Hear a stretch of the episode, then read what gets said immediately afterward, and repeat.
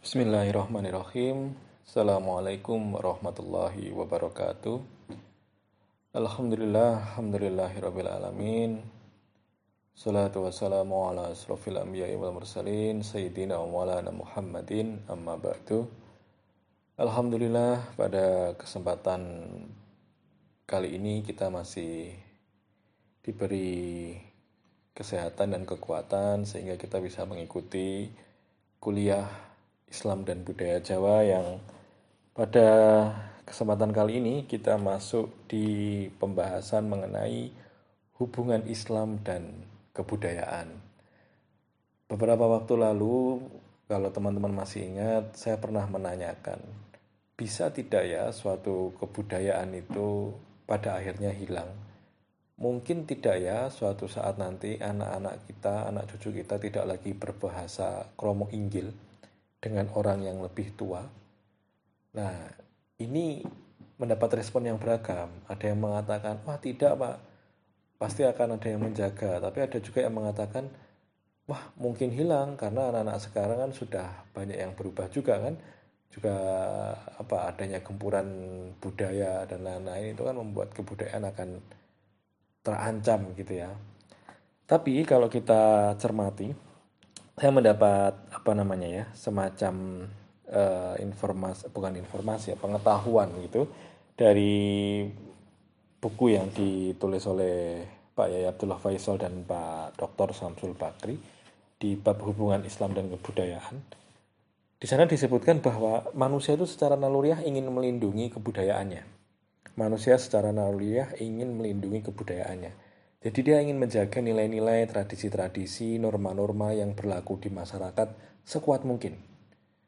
Jadi misalnya ya di desa itu uh, dulu sangat kental silaturahminya, terus kemudian guyub rukun, nyawiji gitu ya. Tapi terus kok ada yang satu dua orang dari kota datang ke situ dengan sikapnya yang individualistis misalnya, itu mereka akan apa ya semacam ya tetap berupaya menjaga budayanya gitu karena memang uh, ya itu naluriah sih manusia. Ya saya saya pribadi misalnya ya saya masih ingin nanti anak cucu saya tetap berbahasa kromo inggil punya unggah ungguh etika jawanya juga di uh, perhatikan. Itu itu naluriah begitu dan kita berupaya untuk menjaga itu gitu. Karena ya itulah yang diwariskan secara turun temurun dan kita yakini itu sebagai suatu hal yang baik kan begitu jadi uh, itu ya soal soal kebudayaan itu apakah kemudian bisa hilang ya sekuat apa kemudian orang-orang itu menjaganya gitu. Tapi secara naluriah orang akan akan menjaga. Gitu. Nah, baik di kesempatan kali ini sebetulnya yang menjadi pokok bahasan kita adalah hubungan antara agama dan kebudayaan. Ini agak sedikit teoritik ya. Saya ingin menyampaikan ada tiga pandangan antara agama dan kebudayaan. Yang pertama itu ada pendapat yang menyebutkan bahwa agama itu sumber kebudayaan. Jadi agama Islam katakanlah itu adalah sumber dari kebudayaan. Nah, ini ini pendapat merujuk kepada pendapatnya Hegel yang mengatakan bahwa karya yang dihasilkan oleh kesadaran manusia entah itu apa ya, tata hukum, tata negara, kesenian, filsafat itu sebenarnya realisasi dari roh ilahi. Jadi Hegel menyebutnya roh ilahi. Kecenderungan manusia untuk berbudaya merupakan dinamika ilahi. Dengan demikian kebudayaan merupakan bentuk nyata dari agama itu sendiri. Jadi dia melihatnya budaya itu adalah ya dari agama gitu. Dan ini sebetulnya apa ya selaras gitu ya senada dengan apa yang disampaikan oleh Nasr Hamid Abu Zaid yang mengatakan bahwa Al-Quran sebagai kitab suci itu memiliki peran dalam mengubah budaya karena ia makanya ia punya fungsi sebagai produsen budaya. Penjelasannya begini, Al-Quran atau kitab suci itu sebagai produsen budaya. Katakanlah ya, dulu di Arab sebelum Islam datang ya tradisi minum homer gitu misalkan biasa saja gitu. Ya mereka kumpul terus minum homer gitu. Tapi terus di Al-Quran datang dan tentu saja melarang homer itu menjadi berubah. Yang semula budaya mereka adalah kumpul dan minum homer, yang menurut mereka itu tidak salah, ketika Al-Quran datang, tradisi itu diubah, diubah. Karena ya tentu homer dianggap haram dan ya tidak bisa lagi yang semacam itu diterus-teruskan. Gitu. Nah, ini kan artinya dan itu baru satu ya, baru satu dalam soal minum homer. Al-Quran itu kan bicara banyak sekali yang kira-kira yang mengatur hajat hidup orang banyak lah gitu. Al-Quran mengatur itu. Dan ya banyak yang berubah tentu saja. Misalnya karena Al-Quran itu ya tentu banyak yang kemudian uh, berubah dan ya tidak salah kalau kemudian ada yang mengatakan Al-Quran itu ya sumber kebudayaan gitu karena di situ memuat sejumlah aturan uh, hukum dan dan seterusnya dan seterusnya kemudian ada yang mengatakan juga bahwa ini pendapat kedua ya kalau tadi pendapat pertama agama sebagai sumber kebudayaan yang kedua, agama dan budaya itu tidak ada hubungan. Nah, ini bahwa antara agama dan budaya itu sesuatu yang terpisah. Ini pendapatnya Peter John Becker. Dia melihat agama itu sesuatu yang sakral, datang dari Tuhan, sementara budaya itu dari manusia. Sehingga tidak tidak berhubungan gitu.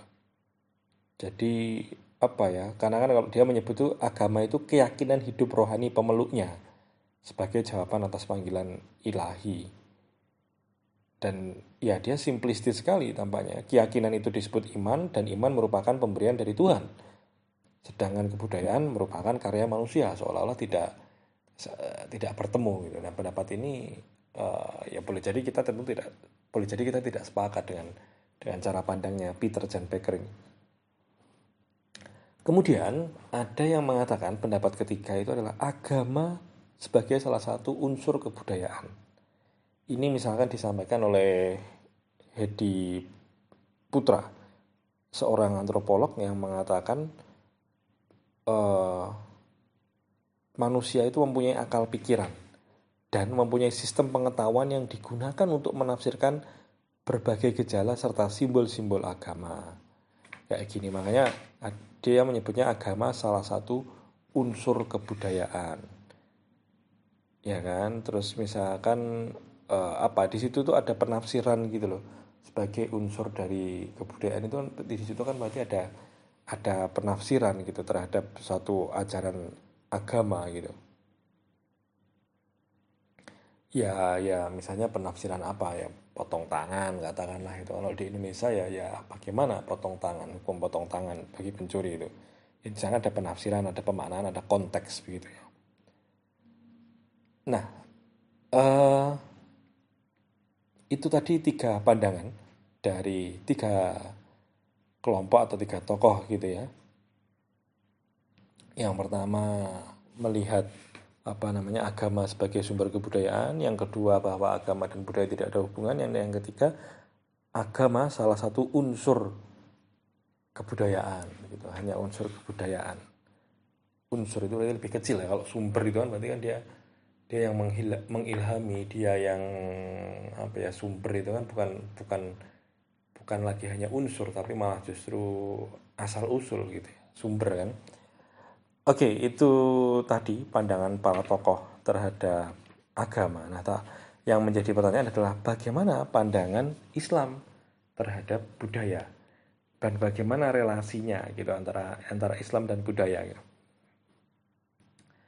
Oke, uh, terdapat setidaknya tiga pendapat mengenai hubungan Islam dan kebudayaan. Yang pertama itu adalah taslim, menerima. Jadi kan gini, logikanya gini. Jawa ada dulu, masyarakatnya juga sudah ada. Mereka juga punya agama, agama warisan nenek moyang tentu ya. Terus kemudian mereka juga punya norma, punya aturan, punya macam-macam sistem hidupnya. Baru kemudian Islam datang. Baru kemudian Islam datang. Nah, kemungkinannya kan banyak. Karena Jawa dianggap tidak sama dengan Arab, terus dia akan disamakan semuanya dengan Arab. Misalnya ya, kan bisa aja. Wah, penyebar agama Islam membabat habis nilai-nilai yang tidak sesuai dengan Arab gitu misalnya. Jadi mau disamakan persis dengan Arab gitu misalnya. Bisa aja. Tapi tidak dilakukan tidak dilakukan. Karena di prinsip yang pertama itu ada prinsip taslim, menerima. Jadi Islam sebagai agama menerima kebudayaan. Ini loh elastisitas, ini loh bukti kelenturan agama gitu. Jadi orang terus kaku gitu enggak. Misalnya yang yang kita contohkan ini, uh, selalu selalu akan mencontohkan ini karena mudah diingat. Misalnya arsitektur bangunan masjid, alat menutup aurat. Itu kan diterima-terima saja arsitektur masjidnya mau kotak mau yang gimana masjid sekarang macam-macam ya arsitekturnya itu ya tidak tidak ada masalah gitu. Mau dibuat segitiga kayak Ridwan Kamil itu nggak ada persoalan. Selama ya itu tempat ibadah suci dirawat dan seterusnya itu itu malah yang lebih substansial. Tapi kalau dari arsitektur nggak ada persoalan. Menutup aurat juga sama gitu. Mau ditutup pakai apa pun ya ya selama tidak menyalahi aturan-aturan ya. Misalkan di Solo pakai batik di tempat lain pakai yang lain lagi gitu kain khas daerahnya gitu. Selama diniatkan menutup aurat ya fine fine aja diterima gitu. Jadi itu ya yang pertama adalah menerima menerima uh, apa ya kebudayaan itu diterima gitu. Kebudayaan itu diterima. Misalnya di Madura itu kalau kalau mahar itu pakai sapi. Ya nggak masalah. Itu budayanya begitu gitu. yang penting esensinya. Sementara di Jawa cenderung pakai apa? Seperangkat alat sholat. Ya tidak tidak tidak jadi soal yang besar gitu ya. Jadi jadi itu contoh. Yang pertama itu menerima Islam menerima kebudayaan. Ya tidak ada persoalan ya dengan kebudayaan gitu.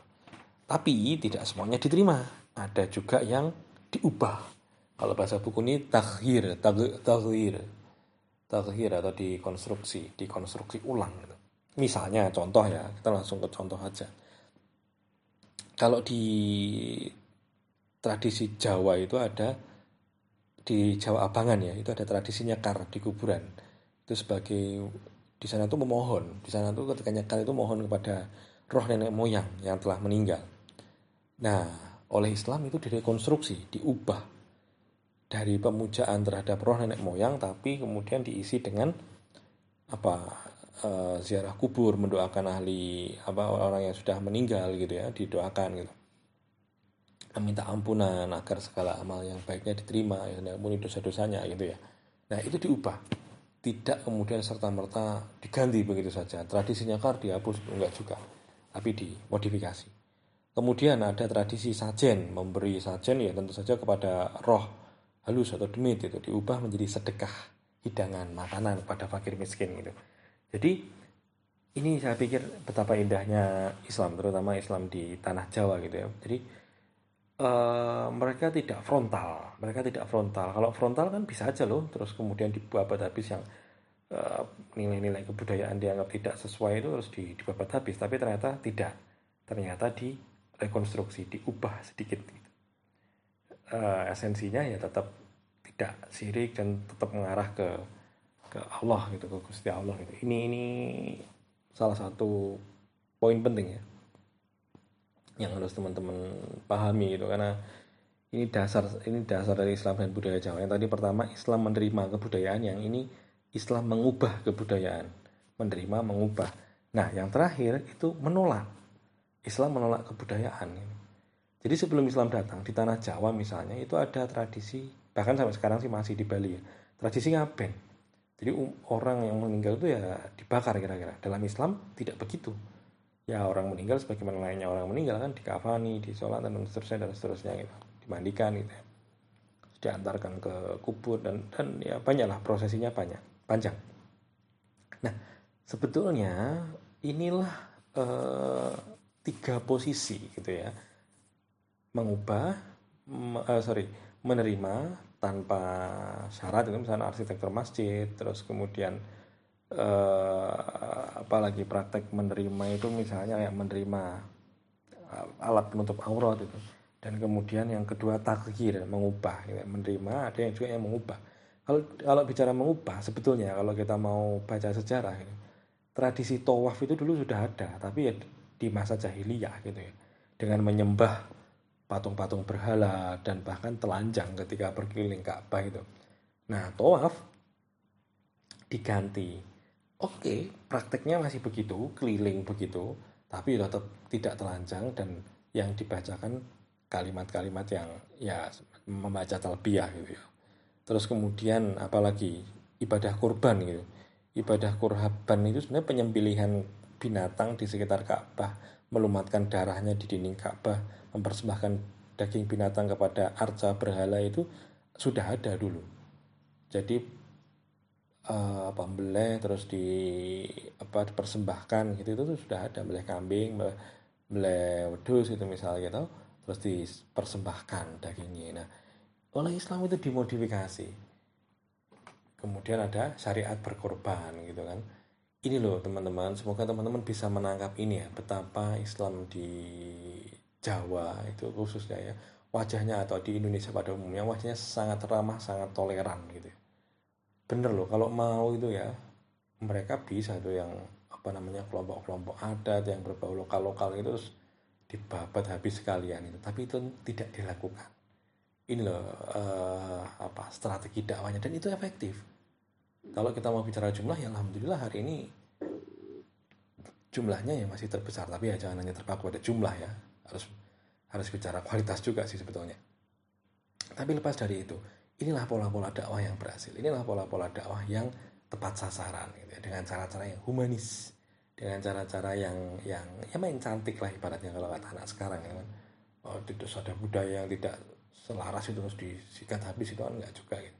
Dipertimbangkan di, di apa namanya dicari landasannya gitu ya. Bukan terus kemudian di apa ya dihapuskan begitu saja kan tidak gitu. ini perbedaan hal yang biasa dan Islam dan Jawa sudah mencontohkan itu bahwa ya ya berbeda tidak ada persoalan Baik, saya kira itu ya uh, kuliah kita hari ini. Terima kasih telah menyimak podcast ini dari awal sampai akhir. Saya berdoa semoga yang menyimak mendapatkan ilmu yang berkah dan bermanfaat. Terima kasih. Akhirul. Assalamualaikum warahmatullahi wabarakatuh.